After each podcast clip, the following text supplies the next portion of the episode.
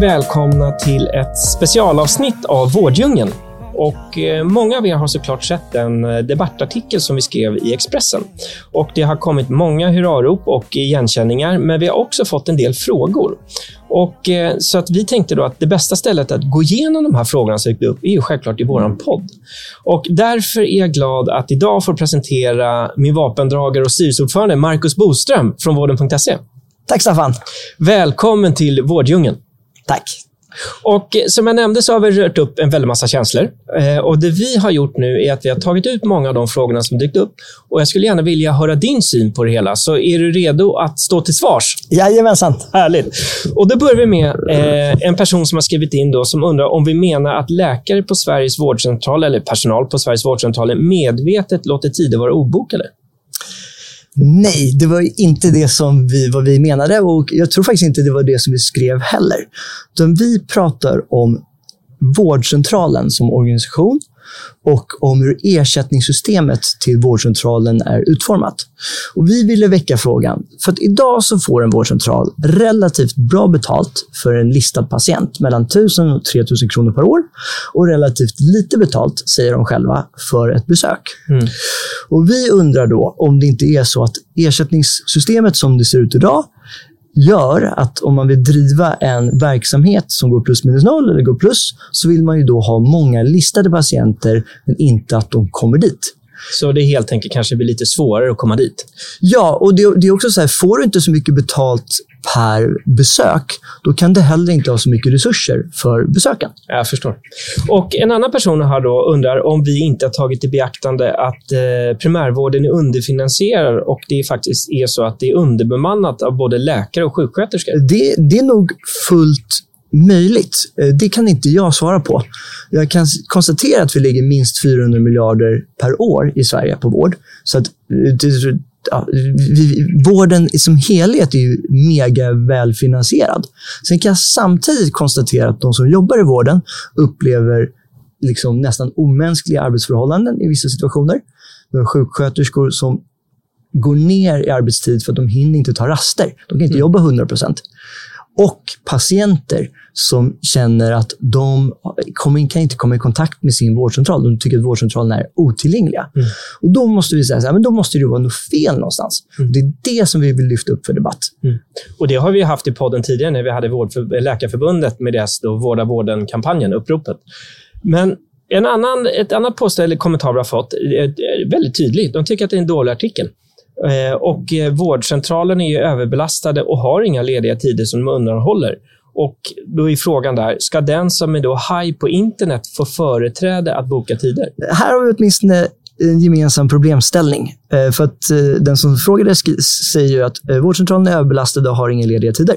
Och Det är det som vi skriver. Vårdcentralerna kan inte erbjuda lediga tider eller de som upplevs som otillgängliga från, från patienterna. Och så kan vi gå igenom vad, vad det, det kan bero på. Men vi har en gemensam problemställning.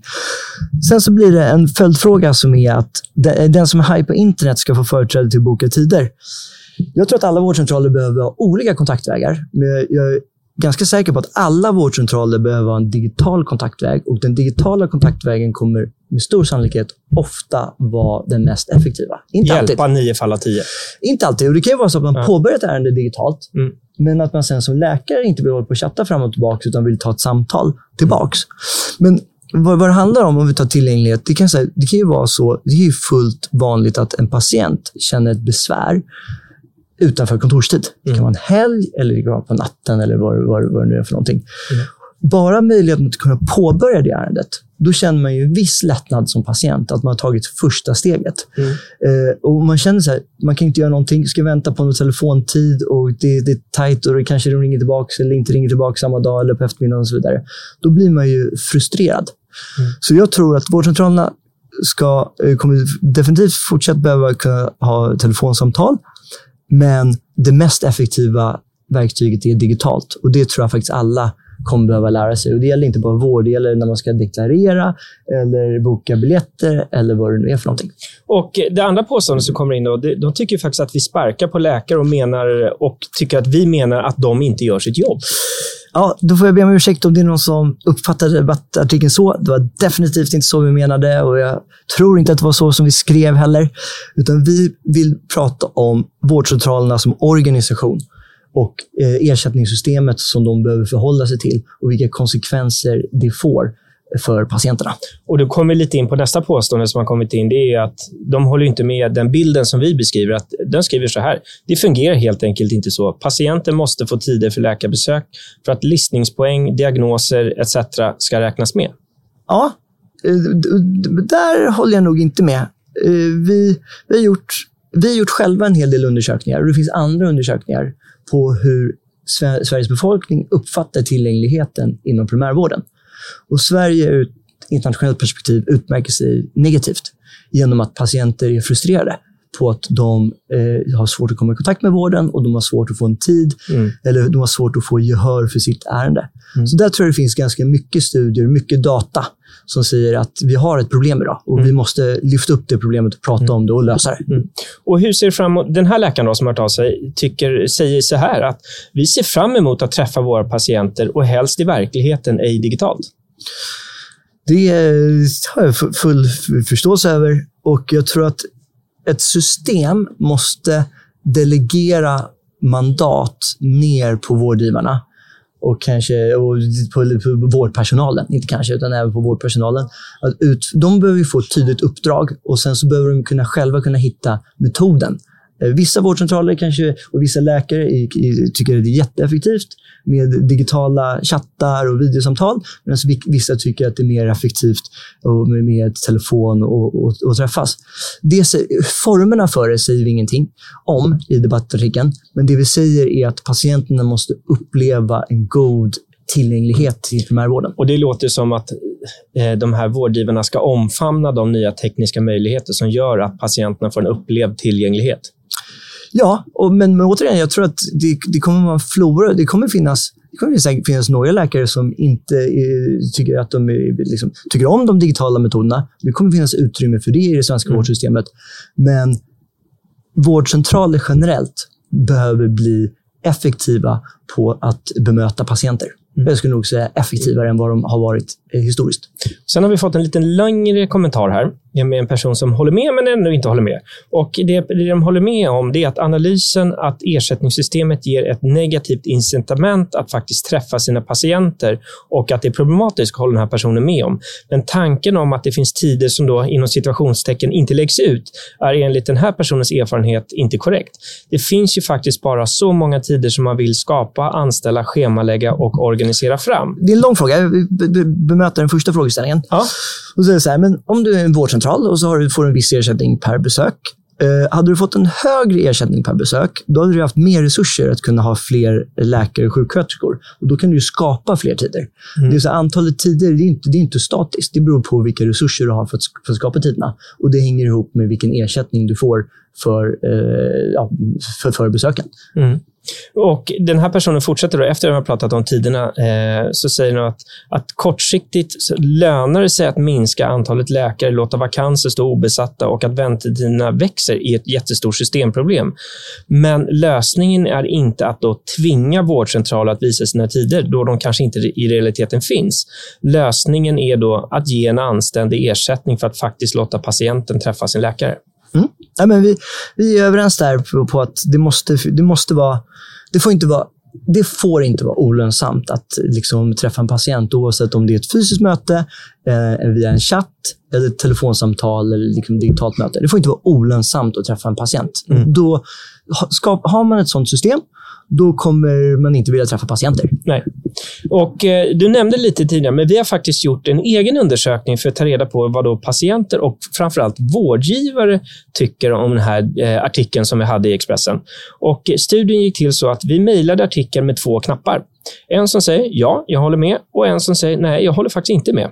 Och eh, Det fanns ju också då en möjlighet då att man kunde motivera sitt svar.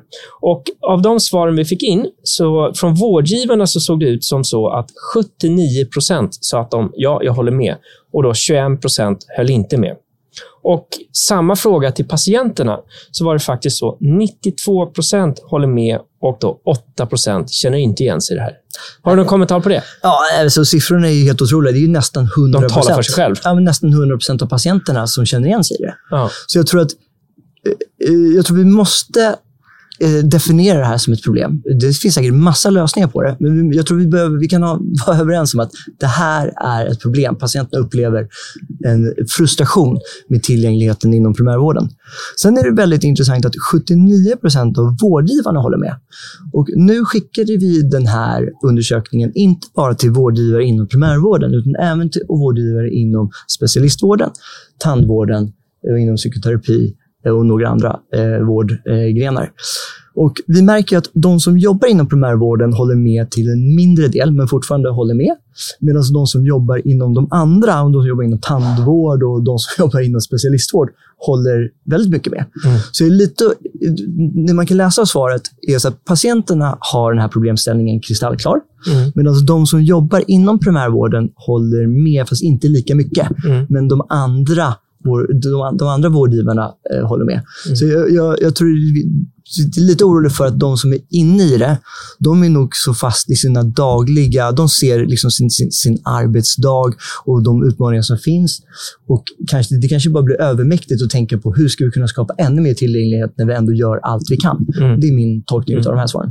Så att lite som om jag summerar liksom hela andemeningen, eller vad vi vill göra med den här debattartikeln, det är att skapa det här forumet för diskussion. Ja. kring det här problemet. Vi, sagt, vi ligger över 400 miljarder per år. Ja. Eh, vi det finns massa länder som har löst det här på ett bra sätt. Varför ska inte vi kunna lösa det på ett mm. bra sätt? Och Det finns andra segment inom vården, eh, till exempel tandvård.